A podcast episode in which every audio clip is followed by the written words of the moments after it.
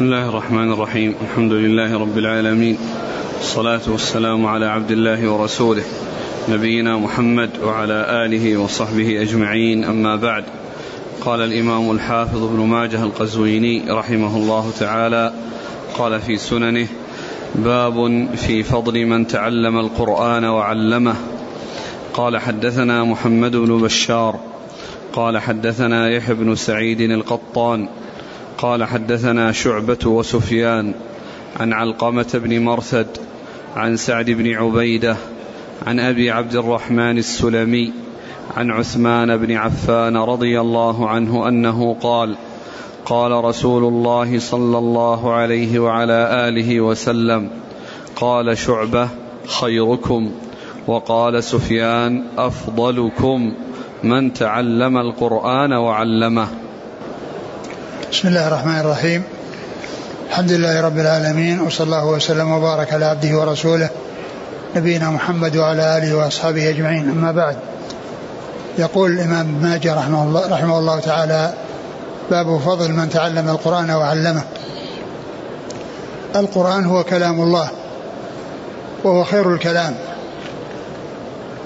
لأنه كلام الباري سبحانه وتعالى فهو خير الكلام. وتعلمه هو تعلم لخير الكلام. ولهذا جاء في حديث عثمان رضي الله عنه أن النبي عليه الصلاة والسلام قال خيركم من تعلم القرآن وعلمه لأن هذا التعلم إنما هو لخير كلام وهو كلام الله سبحانه وتعالى. وهذا يدل على فضل تعلم القرآن وتعليمه. كون الإنسان يكون عالما به معلما له. يتعلم ويعلم. يستفيد ثم يفيد. وهذه الخيرية جاء في أحاديث كثيرة فيها ذكر خيركم من كان كذا وخيركم من كان كذا خيركم خيركم لأهله خيركم من تعلم القرآن وعلمه. فقيل في التوفيق بين تلك النصوص أن كل من جاء فيه هذا الوصف فهو يعتبر من خيار الناس ومن خيار من خيار الناس. فيكون كل ما جاء فيه أنه خير كذا أي من خير الناس. وليس المقصود من ذلك أن أي لفظ جاء فيه هذا يكون أفضل من غيره مطلقا وإنما في بيان وإنما المعنى أن كل من جاء أو كل من كان كذلك فهو من الخيار. وبهذا يوفق بين ما جاء من الأحاديث في ذلك. أو يكون المقصود آه، خيركم من تعلم القرآن وعلمه فيما يتعلق بالتعلم والتعليم وتكون الخيرية في جهة معينة وما جاء من الخيرية في جهة أخرى تكون الخيرية فيها في تلك الجهة التي جاء فيها ذكر الخيار وذكر التفضيل. ومن المعلوم أن آه، التعلم يترتب عليه التعليم حيث يكون مفيدا وحيث يكون آه، آه، له ثمرة إنما يكون التعلم لكون الإنسان يعمل بالعلم ويعلم العلم. وقد جاء عن ابن الأعرابي أنه قال لا يكون العالم ربانيا حتى يكون عالما عاملا معلما. لا يكون العالم ربانيا حتى يكون عالما عاملا معلما فيكون آه، عرف الحق بتعلمه إياه وعمل به ولم يقصر هذا النفع على نفسه بل جاوز ذلك حتى عداه إلى غيره وذلك بالتعليم. والإفادة للناس تكون بالتعليم وتكون بالتذكير وتكون بالدعوة والإرشاد. كل ذلك من وجوه النفع المتعدي في معرفة الحق والهدى. يقول عليه الصلاة والسلام خيركم من تعلم القرآن وعلمه. ففي هذا الحث والترغيب على الاشتغال بالقرآن تعلما وتعليما وعملا بما يحصله من العلم لأن ثمرة العلم العمل. وإلا فإن العلم يكون وبالا على يكون وبالا على صاحبه إذا لم يعمل به لأنه عرف الحق ولم يعمل به. فيكون أسوأ ممن, يعرف ممن لم يعرف الحق. كما يقول الشاعر إذا كنت لا تدري فتلك مصيبة وإن كنت تدري فالمصيبة أعظم إذا كنت لا تدري فتلك مصيبة. يعني كل إنسان آه، يعمل على خلاف الحق إذا كان جاهلا فهي مصيبة. ولكن أعظم من هذه المصيبة أن يكون عالما بالحق ثم لا يعمل به. أن يكون عالما بالحق ثم لا يعمل به. ومع كونه يعلم ويعمل يعلم. وإذا علم فإن الفائدة تعم ويستفيد غيره ويكون له مثل أجور كل من استفاد خيرا بسببه لما تقدم في أحاديث الدرس الماضي ومنها قوله عليه الصلاة والسلام من دعا إلى هدى كان له من أجر مثل أجر من تبعه لا ينقص ذلك من أجورهم شيئا ومن دعا إلى ضلالة كان عليه من الإثم مثل آثام من تبعه لا ينقص ذلك من آثامهم شيئا. نعم. قال حدثنا محمد بن بشار. محمد بن بشار هو الملقب بن دار. وهو ثقة أخرج له أصحاب الكتب الستة وهو شيخ لأصحاب الكتب الستة. عن يحيى بن سعيد القطان. يحيى بن سعيد القطان ثقة أخرج أصحاب الكتب الستة. عن شعبة وسفيان. شعبة بن الحجاج الواسطي ثم البصري ثقة أخرج له أصحاب الكتب. وسفيان بن سعيد بن مسروق الثوري الكوفي وهو ثقة أخرج له أصحاب الكتب وهذان آه الإمامان وهما شعبة وسفيان وصف بأن وصف كل واحد منهما بأنه أمير المؤمنين في الحديث أمير المؤمنين في الحديث وهي من أعلى صيغ التعديل والتوثيق أن يوصف الشخص بأنه أمير المؤمنين في الحديث فهي من أرفع صيغ التعديل وأعلى صيغ التعديل. وكل منهما آه، من أهل الإتقان ومن أهل الحفظ. وقد اشتهر آه، وقد اشتهر بذلك. نعم. عن علقمة بن مرثد. علقمة بن مرثد ثقة أخرج له. أصحاب الكتب. نعم. عن سعد بن عبيدة. سعد بن عبيدة ثقة أخرج أصحاب الكتب. عن أبي عبد الرحمن وأبو عبد الرحمن هو عبد الله بن حبيب السلمي ثقة أخرج أصحاب الكتب. عن عثمان بن عفان. عن عثمان بن عفان رضي الله تعالى عنه وهو, وهو أمير المؤمنين وثالث الخلفاء الراشدين الهادين المهديين صاحب المناقب الجمة والفضائل الكثيرة وحديثه أخرجه أصحاب الكتب الستة.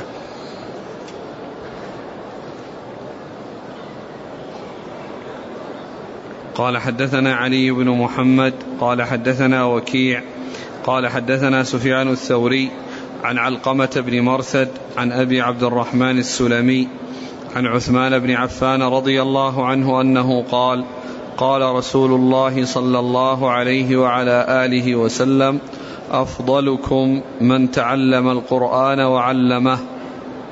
ثم ذكر هذه الطريقة الثانية لحديث عثمان رضي الله عنه وهي من طريق سفيان الثوري وهي مثل اللفظ السابق أو مكرر اللفظ السابق. والإسناد الأول الرواية عن شعبة وسفيان وشعبة قال خيركم وسفيان قال أفضلكم يعني بدل خيركم. وفي هذه الطريقة الثانية لفظ سفيان مثل لفظ مثل لفظه في الرواية الأولى إلا أن هذه الرواية جاءت من طريق أخرى وليس فيها سعد بن عبيدة يعني بين بين علقمة مرثد وبين أبي عبد الرحمن السلمي وهو يروي أي علقمة مرثد يروي, يروي عن أبي عبي عن عن سعد بن عبيدة ويروي عن أبي عبد الرحمن السلمي ف آه، واللفظ مثل اللفظ الأول لأن آه، سفيان قال أفضلكم يعني بدل خيركم ومعناهما واحد لأنها كلها تفضيل وكلمة خير يعني التي جاءت في لفظ شعبة هي بمعنى أخير لأنها أفعل تفضيل. وخير تأتي لأفعل تفضيل حذفت منها الهمزة يعني بدل خيركم يعني كانت أخيركم فحذفت الهمزة فصارت خيركم. وتأتي اسم في مقابل الشر ليست أفعل تفضيل. فمن يعمل مثقال ذرة خيرا يره ومن يعمل مثقال ذرة شرا يره. وقد جمع بين خير بمعنى أفضل بمعنى أخير وخير التي هي في مقابل الشر. جاءت في حديث أبي هريرة الذي سبق أن مر في كتاب القدر وذلك في قوله صلى الله عليه وسلم المؤمن القوي خير وأحب إلى الله من المؤمن الضعيف وفي كل خير. فإن قوله المؤمن القوي خير وأحب إلى الله أفعل تفضيل. وفي قوله وفي كل خير الخير الذي هو مقابل الشر. الخير الذي هو مقابل الشر. ومن ذلك قول الله عز وجل يا أيها النبي قل لمن في أيديكم من الأسرى ليعلم الله في قلوبكم خيرا يؤتكم خيرا مما أخذ منكم. فإن الأولى التي هي خيرا هي مقابل الشر. وأما خير مما أخذ منكم فإنها بمعنى أفعل التفضيل. ولفظ آه، سفيان أفضلكم يعني لفظ التفضيل يعني ال ال ال يعني واضح فيه وكذلك خيركم واضح فيه لكنها مما حذفت فيه الهمزة اللي هو خيركم يعني أخيركم صارت خيركم. نعم. قال حدثنا علي بن محمد. علي بن محمد الطنافسي وهو ثقة أخرج حديثه النسائي في مسند علي وابن ماجه. عن وكيع. وكيع بن الجراح الرؤاسي الكوفي ثقة أخرج أصحاب الكتب. عن سفيان عن علقمة عن أبي عبد الرحمن عن عثمان. نعم.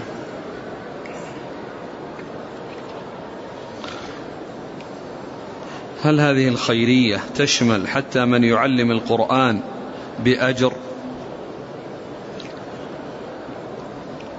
كون الإنسان يعلم القرآن دون أن يأخذ عليه مقابل هذا لا شك أن أنها فيه الخير وفيه الأجر وفيه الثواب.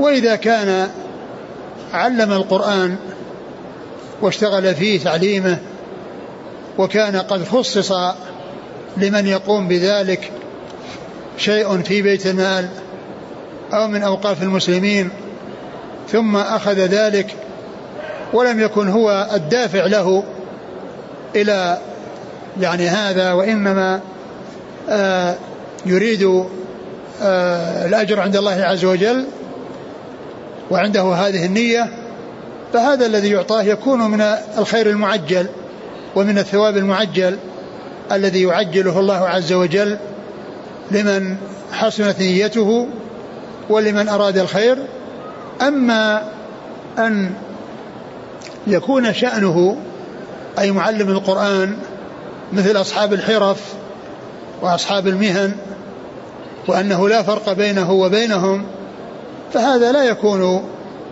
يعني آه لا يكون له آه الأجر والثواب الذي يكون لمن حسنت نيته وأراد وجه الله عز وجل والدار الآخرة. وما حصل له من شيء من الدنيا فإنه يكون من الرزق من الثواب المعجل الذي يعجله الله عز وجل لصاحبه في الدنيا قبل الآخرة.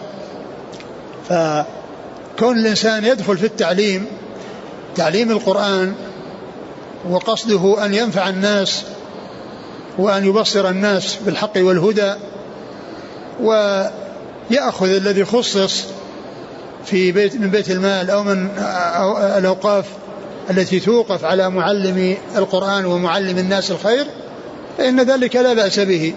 والمهم النية. أن لا يكون الإنسان أراد الدنيا أن الإنسان أراد الدنيا لأن لأنه فرق بين من يفعل الخير من أجل أن يحصل دنيا ومن يعني يأتي بال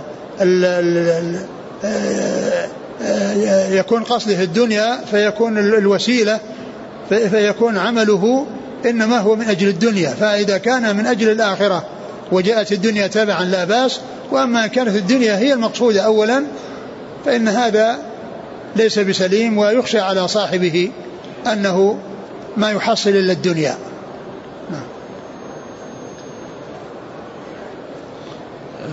في الإسناد المتقدم علقمة بن مرثد يروي عن سعد بن عبيدة عن أبي عبد الرحمن السلمي. نعم.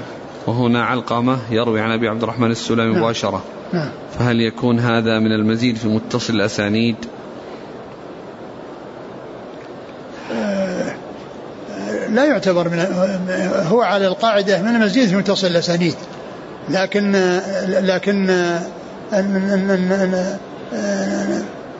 أن المزيد متصل الاسانيد يعني يكون مؤثر إذا لم يكن إذا كان يعني من لم يزدها أو أوثق ممن زادها. لكن القضية الآن ما في تنافي لأنها كلها لأنها كلها جاءت في في آه، آه، في موضوع واحد وعلقمة يروي عن هذا وعن هذا. مثل آه، مثل سعيد بن أبي سعيد المقبري يروي عن أبيه ويروي عن أبي هريرة.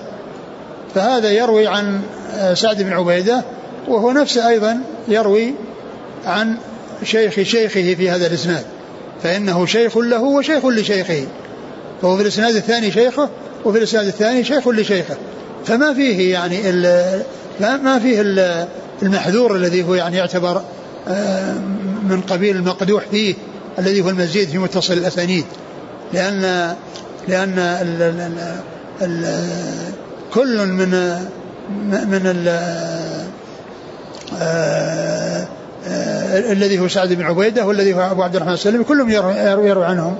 آه، علقمة بن مرثد. نعم.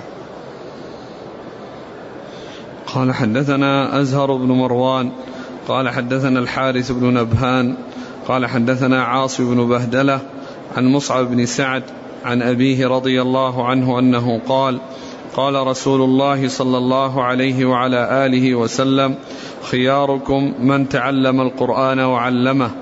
قال وأخذ بيدي فأقعدني مقعدي هذا أقرئ.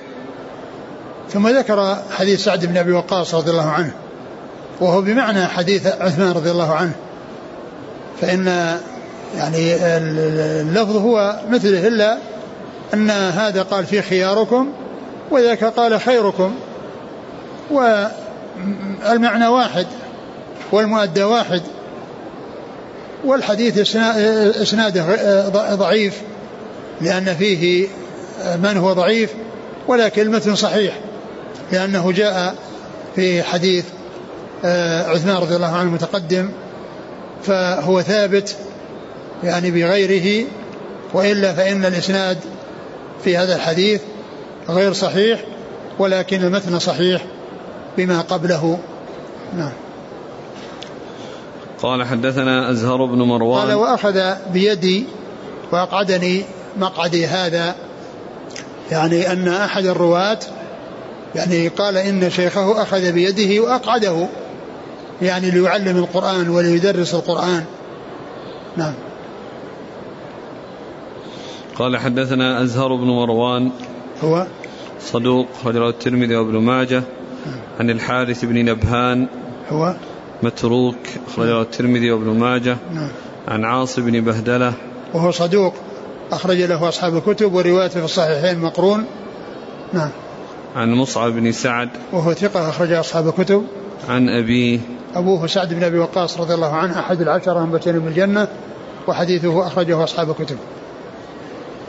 والعشر المبشرون بالجنة كلهم أخرج لهم أصحاب الكتب. يقول السائل هل يجوز تعلم القرآن على ذوي العقائد الفاسدة أو المنحرفين عن المنهج القويم؟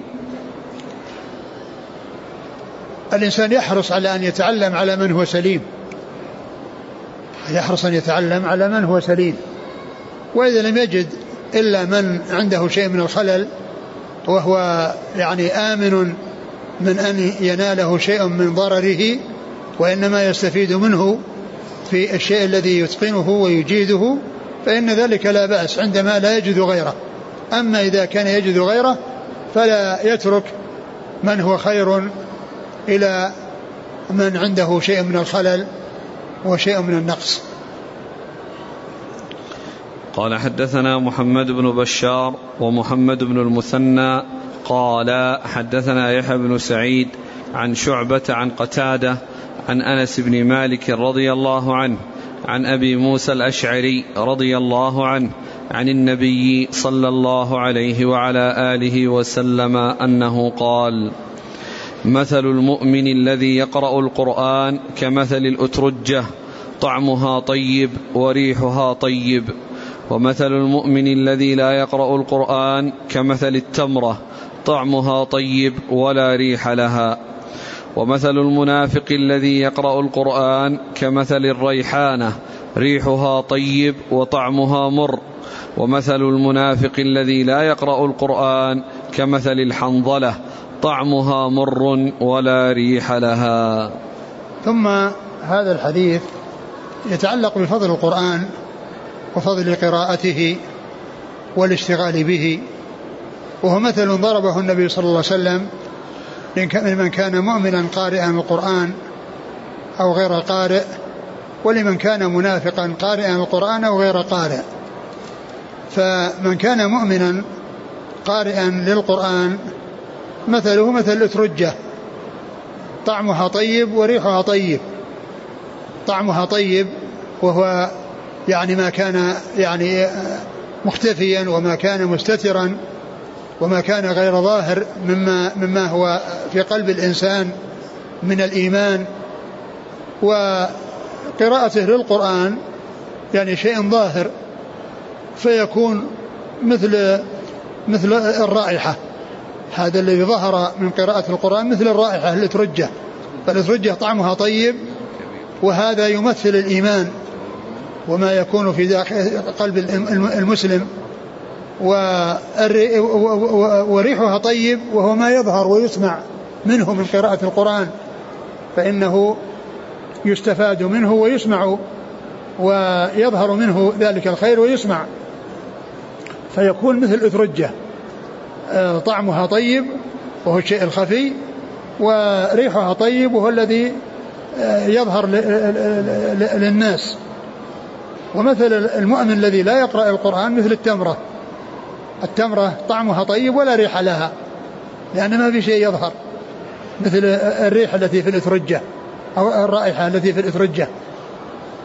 فهذا المثل لكل من المؤمن القارئ القرآن والمؤمن الغير القارئ للقرآن ومثل المنافق الذي يقرأ القرآن مثل الريحانة طعمها مر وريحها طيب. لأنه داخله الشر وداخله الخبث وقلبه آه، فيه آه، فيه آه، فيه فيه الكفر لأن المنافقين في الدرك الأسفل من النار. فداخله خبيث ولكن قراءته القرآن التي تظهر هذه مثل الريح الذي يظهر من الريحان. فهو شيء طيب يظهر منه وداخله سيء.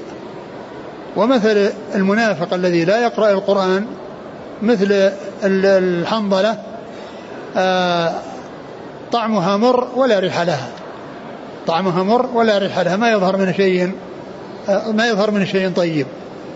يعني هو داخله داخل الحنظلة مر ولا يظهر منها ريح.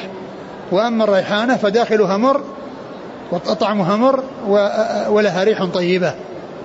فالذي يسمع يسمع من المنافق كلام طيب وكلام الله عز وجل يسمع منه ويقرأ وهذا شيء يعني آه، طيب هذا الذي يسمع ولكن داخل الشر. نعم. قال حدثنا محمد بن بشار ومحمد بن المثنى.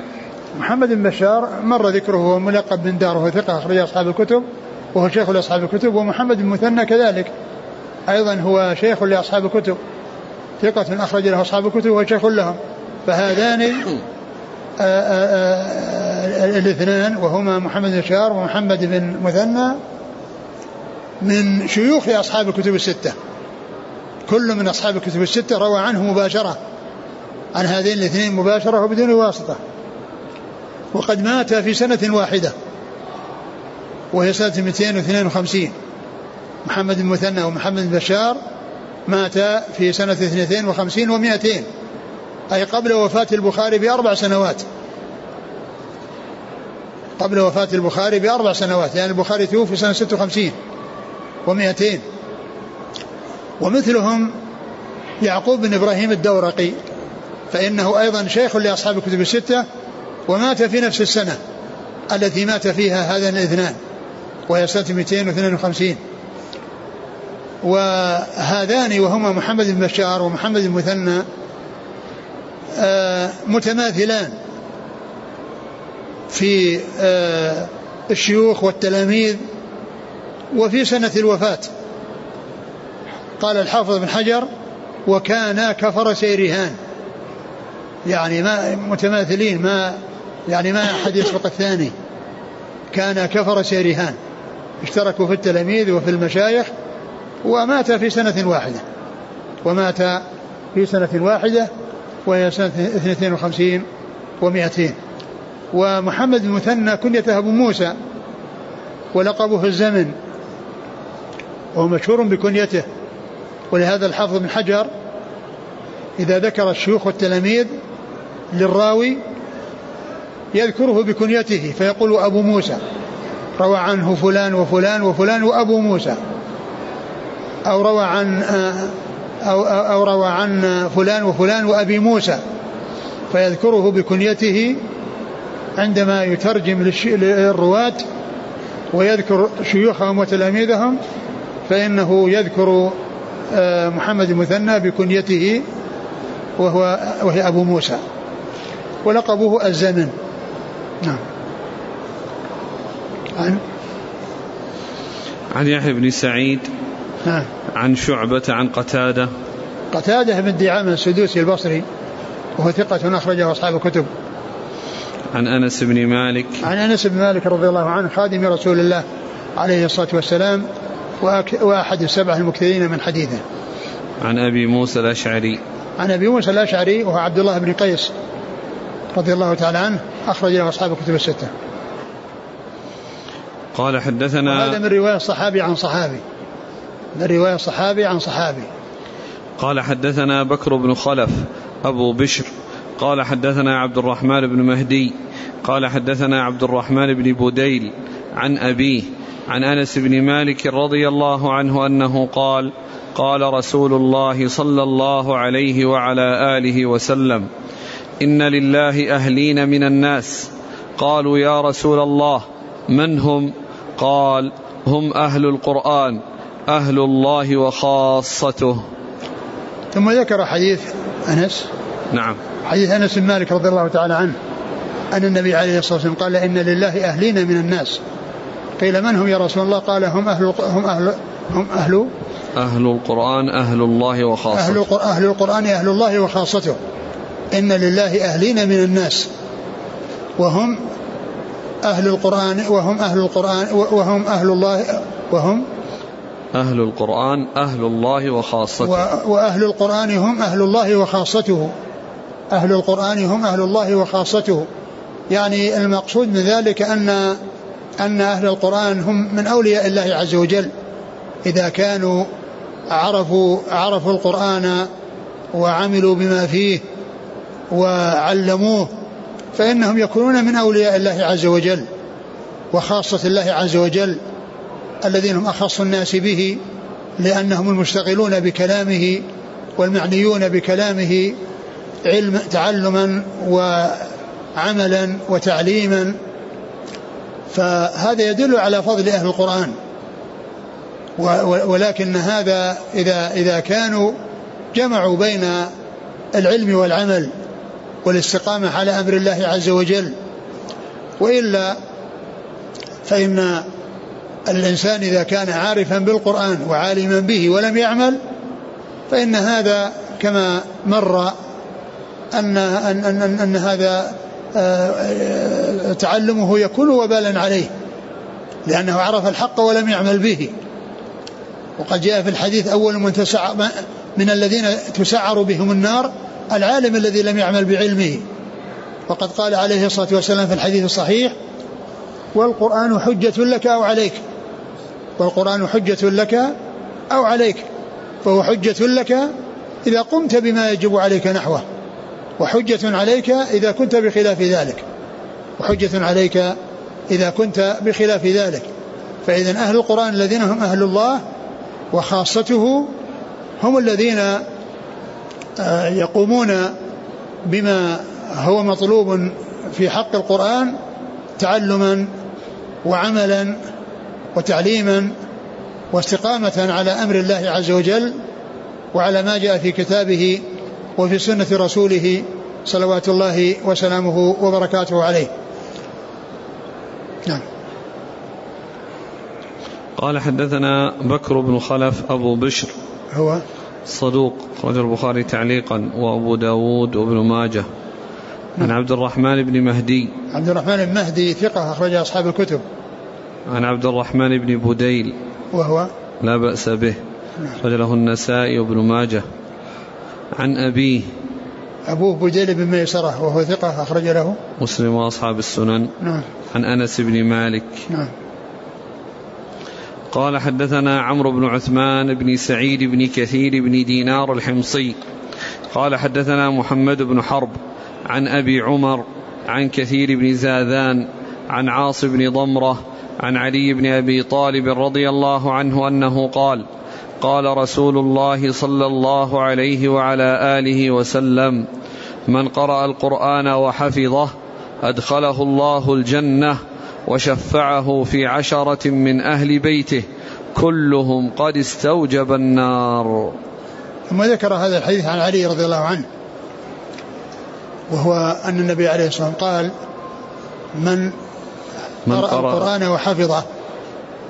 من قرأ القرآن وحفظه يعني قرأه يعني سواء كان غيبا أو نظرا وحفظه يعني حفظ حدوده وحفظ يعني آآ آآ ما جاء فيه من بامتثال الأوامر واجتناب النواهي وتصديق الأخبار إيش بعده؟ من حفظ القرآن من قرأ القرآن وحفظه. أدخله الله الجنة وشفعه في عشرة من أدخله أهله الله الجنة وشفعه في عشرة من, من أهله. أدخله الله الجنة وشفعه يعني جعله شفيعا في عشرة من, من, من أهله وأقربائه. والحديث غير صحيح لأن في إسناده من هو ضعيف. نعم. قال حدثنا عمرو بن عثمان بن سعيد بن كثير بن دينار الحمصي. هو صدوق أخرجه أبو داود والنسائي بن ماجه. نعم. عن محمد بن حرب. هو؟ ثقة أخرجه أصحاب الكتب. نعم. عن أبي عمر. أبو عمر هو حفص بن سليمان وهو متروك. أخرج له؟ الترمذي والنسائي في مسند علي وابن نعم. ماجه. نعم. عن كثير بن زاذان. وهو مجهول؟ أخرج له الترمذي وابن ماجه. نعم. عن عاصم بن ضمرة وهو صدوق أخرج له أصحاب السنن. نعم. عن علي بن أبي طالب. علي بن أبي طالب رضي الله عنه أمير المؤمنين ورابع الخلفاء الراشدين الهاديين المهديين صاحب المناقب الجمة والفضائل الكثيرة وحديثه عند أصحاب الكتب الستة. قال حدثنا عمرو بن عبد الله الأودي قال حدثنا أبو أسامة عن عبد الحميد بن جعفر عن المقبوري عن عطاء مولى أبي أحمد.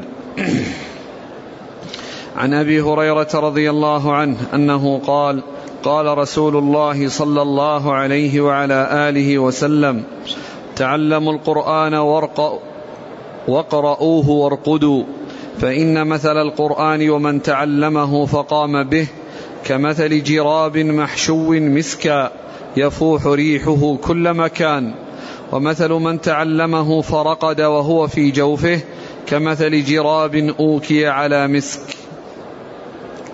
ثم ذكر هذا الحديث فقال مثل مثل تعلموا القرآن وقرؤوه وارقدوا. تعلموا القرآن تعلموا القرآن واقرؤوه وارقدوا.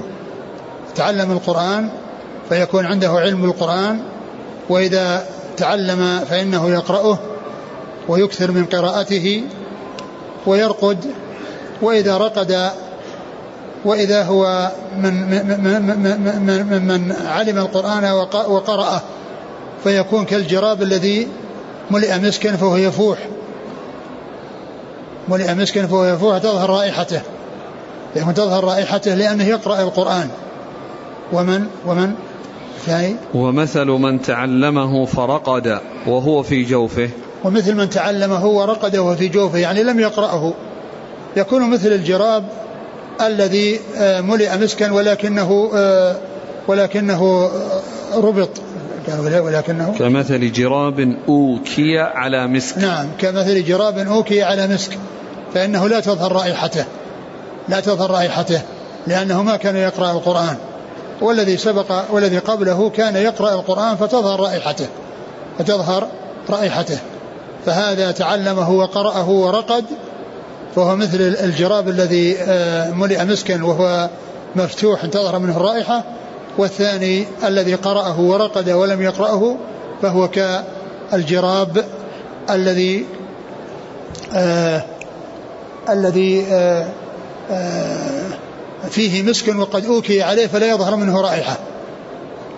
والجراب هو بكسر الجيم هو بكسر الجيم ولا تفتح الجيم. ولهذا يقولون في الكلمات اللطيفة المنبهة يقولون لا تكسر القصعة ولا تفتح الجراب.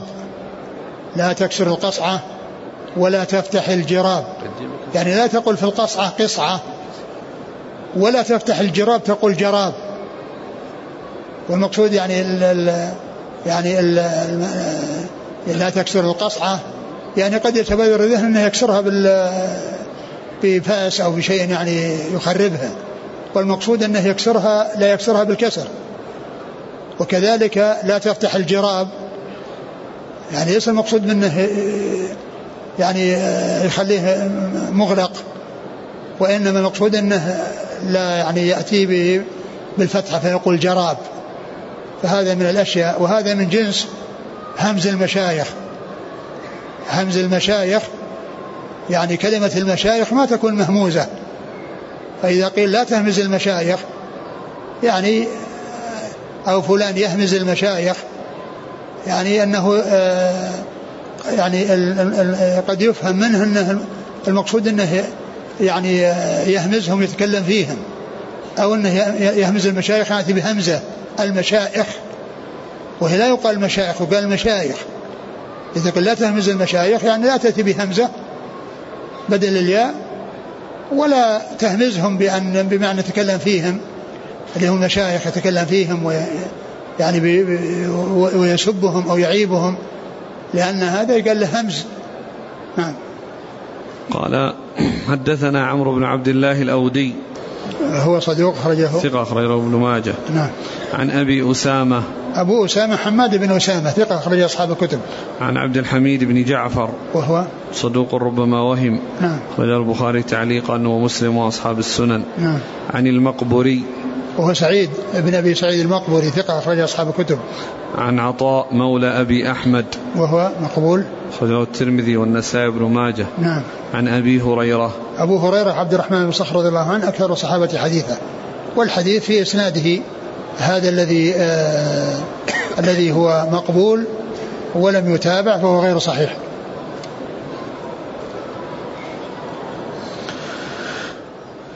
قال حدثنا أبو مروان.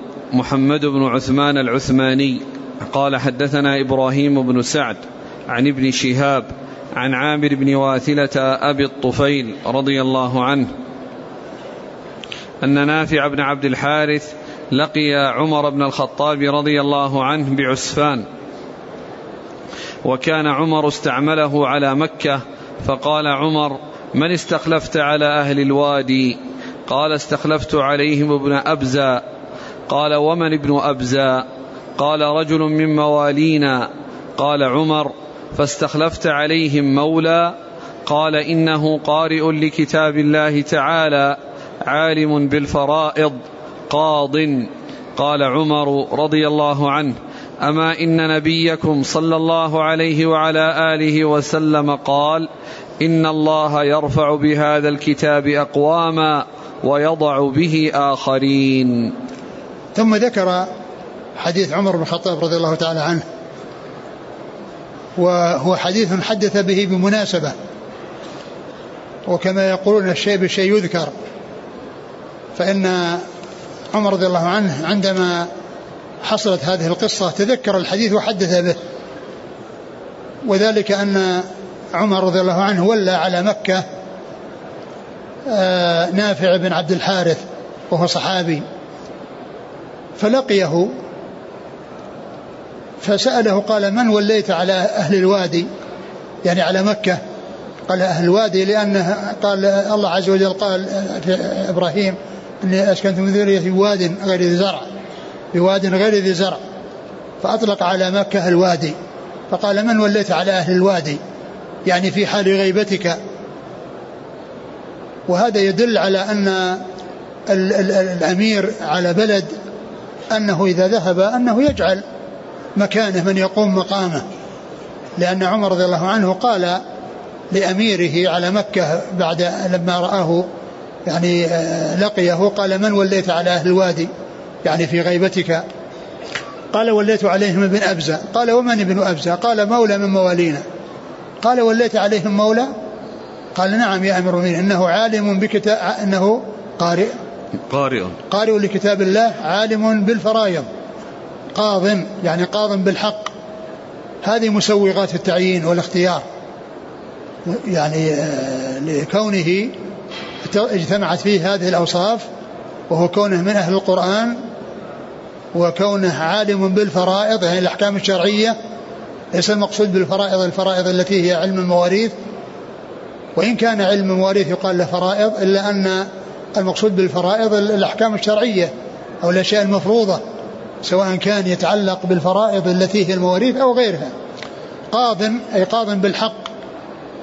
فهذه الصفات هي التي جعلت أمير عمر يختار هذا الرجل لأن ينوب منابه ويقوم مقامه في حال غيبته.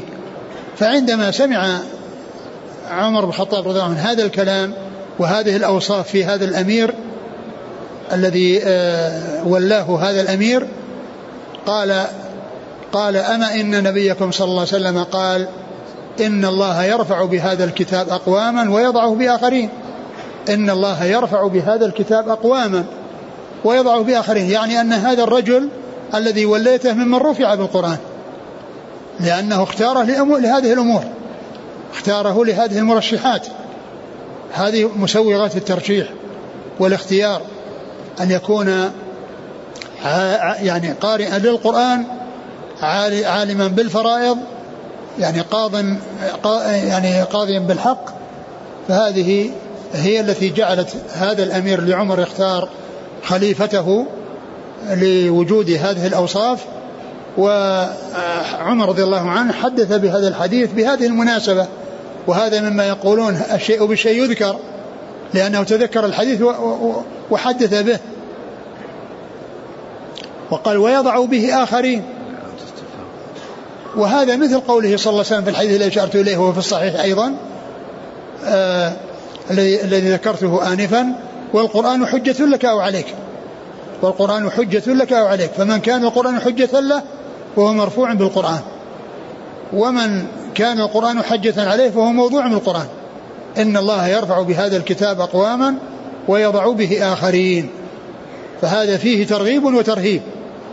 ترغيب للاشتغال بالقرآن ومعرفة الأحكام التي وردت فيه وفي السنة والعمل بها وتعليمها وترهيب من أن يكون الإنسان عالما بالحق ثم لا يعمل به فيكون آه، عرف وعلم ولم يعمل فيكون أسوأ ممن لم ممن ممن عمل وهو لم يعلم. كما ذكرت في البيت الآن في الذكر إذا كنت لا تدري فتلك مصيبة وإن كنت تدري فالمصيبة أعظم. لا يستوي من هو عالم ومن هو جهول. من يعصي الله على بصيرة أعظم من من يعصيه على جهل وعدم معرفة. فلا يستوي من يعصي وهو عالم ومن يعصي وهو جاهل. فرق بين هذا وهذا.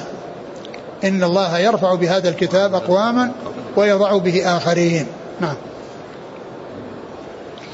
ويقابل ويقابل هذا يعني ال ال يعني إذا كان ال ال الذي ولي ليس أهلا فقد جاء في الحديث أن النبي صلى الله عليه وسلم كان جالسا مع أصحابه يعلمهم ويحدثهم فجاء رجل وقف وقال يا رسول الله متى الساعة؟ فأعرض عنه الرسول عليه الصلاة والسلام وأقبل على أصحابه وأقبل على أصحابه يحدثهم. فلما فرغ قال أين السائل عن الساعة؟ قام الرجل وقال أنا يا رسول الله. قال إذا ضيعت الأمانة فانتظر الساعة. قال وما إضاعتها؟ قال إذا وسد الأمر إلى غير أهله فانتظر الساعة. إذا وسد الأمر إلى غير أهله فانتظر الساعة. فهذا في الاختيار السيء وذاك في الاختيار الحسن. نعم. قال حدثنا أبو مروان محمد بن عثمان العثماني. هو؟ صدوق يخطئ أخرج له النسائي وابن ماجه. والحديث هذا الذي أشرت إليه يعني استدل به بعض أهل العلم على أن الأسبق هو الأحق. أن الأسبق هو الأحق لأن الرسول عليه الصلاة والسلام لما سأل لما سأل السائل عن الساعة أعرض عنه وصار مع الذين هو معهم والذين سبقوه. فلما فرغ منهم اتجه إليه وقال أين السائل عن الساعة؟ يعني فهذا يدل على أن من سبق يعني في شيء فهو أحق به ولهذا قالوا أن هذا يدل على أن الحق للسابق سواء في الفتوى أو في غيرها. يعني إذا جاء يستفتي وصار سابقا لغيره فهو حق بالتقديم. من تقدم له الحق على على من تأخر. لأن الرسول عليه الصلاة والسلام آه، قدم الذين هو معهم والذين سبقوا هذا السائل وأعرض عنه حتى فرغ من تحديثهم ثم بعد ذلك اتجه إليه يعني فهذا هذا التنظيم جاء به جاء جاء به الإسلام. وليس من الأشياء الجديدة التي الناس عرفوها مؤخرا وإنما هذا جاء به الإسلام وجاء في هذا الحديث وأن السابق أولى ممن, ممن يأتي بعده. يعني في التنظيم وكون الناس إذا إذا جاءوا فإن من سبق أولى ممن ممن جاء بعده. نعم. يعني مثل الموظفين عندما يكون يأتيه ناس يراجعون فمن سبق وجاء متقدما هو أولى من غيره. لا يقدم إنسانا جاء متأخرا ويترك الذي جاء مبكرا.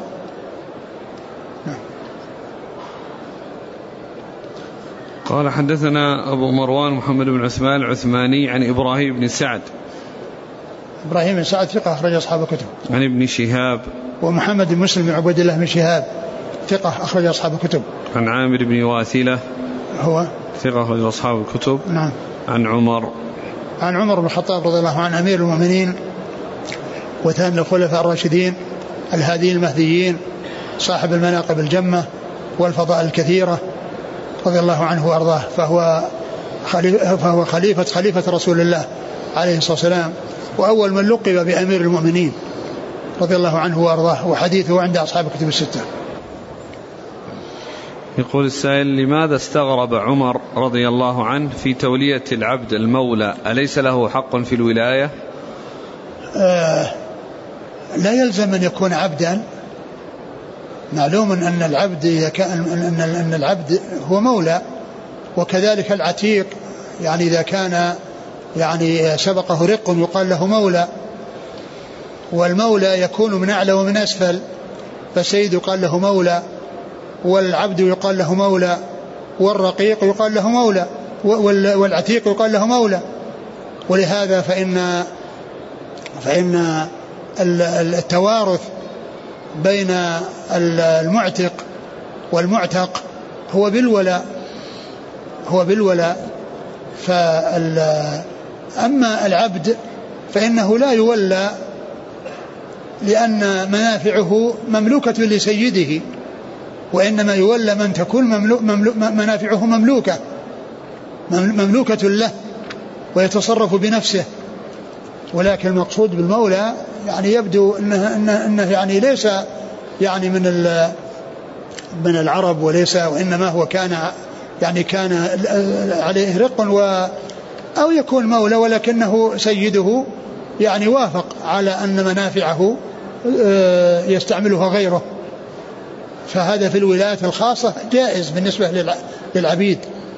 وأما بالنسبة للولاية العامة فسبق أن عرفنا أنها يعني آه، أنها لا تجوز وذلك لأن النبي صلى الله عليه وسلم آه، لأنه أجمع على أن الولاية العظمى لا تكون إلا من من حر.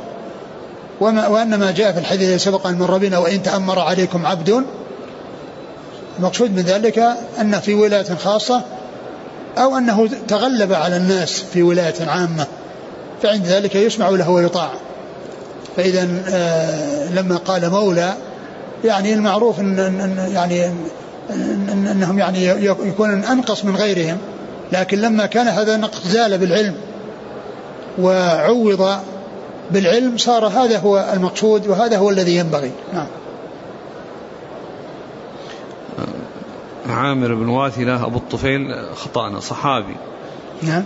عامر بن واثلة أبو صحابي؟ الطفيل نعم. مم. صحابي أخرج له أصحاب الكتب؟ نعم. وهو نعم. آخر من مات من الصحابة قاله مسلم. نعم. قال حدثنا العباس بن عبد الله الواسطي. قال حدثنا عبد الله بن غالب العباداني. عن عبد الله بن زياد البحراني. عن علي بن زيد. اللي هو عام اللي هو أبو الطفيل ذاك إيه. آه أبو الطفيل نعم. أبو الطفيل هو من صغار الصحابة ومن من تأخرت وفاته. نعم. اخرج أخرج أصحاب الكتب. نعم. نعم. قال حدثنا العباس بن عبد الله الواسطي قال حدثنا عبد الله بن غالب العباداني عن عبد الله بن زياد البحراني عن علي بن زيد عن سعيد بن المسيب عن أبي ذر رضي الله عنه أنه قال قال لي رسول الله صلى الله عليه وعلى آله وسلم يا أبا ذر لأن تغدو فتعلم آية من كتاب الله خير لك من أن تصلي مائه ركعة. ولأن تغدو فتعلم بابا من العلم. عمل به أو لم يعمل خير من أن تصلي ألف ركعة. ثم ذكر هذا الحديث عن أبي ذر. قال لأن تغدو فتعلم آية من القرآن. خير لك من أن تصلي مئة ركعة. نعم. أن تصلي مئة ركعة. وإيش؟ ولا أن تغدو فتعلم بابا من العلم. عمل به أو لم يعمل خير من أن تصلي ألف ركعة. ولا أن تغدو فتعلم بابا من العلم. لأن قبل آية يعني هو شيء قليل وهذا باب يعني شيء كثير أكثر. خير من أن تصلي ألف ركعة. وهذا يعني يدل على فضل العلم وتعلم العلم. ولكن الحديث غير صحيح لأن في إسناده من هو يعني فيه ضعف. و ولكن, ولكن لا شك أن أن العلم أو التعلم أو الاشتغال بالعلم أفضل من العبادة. ولهذا جاء في الحديث حديث أبي, أبي, الدرداء الذي ذكر فيه فضل العلماء. قال وفضل العالم على العابد وفضل العالم على العابد كفضل القمر على سائر الكواكب. وفضل العالم على العابد كفضل القمر على سائر الكواكب. لأن العالم علمه له ولغيره والعابد عبادته له وحده.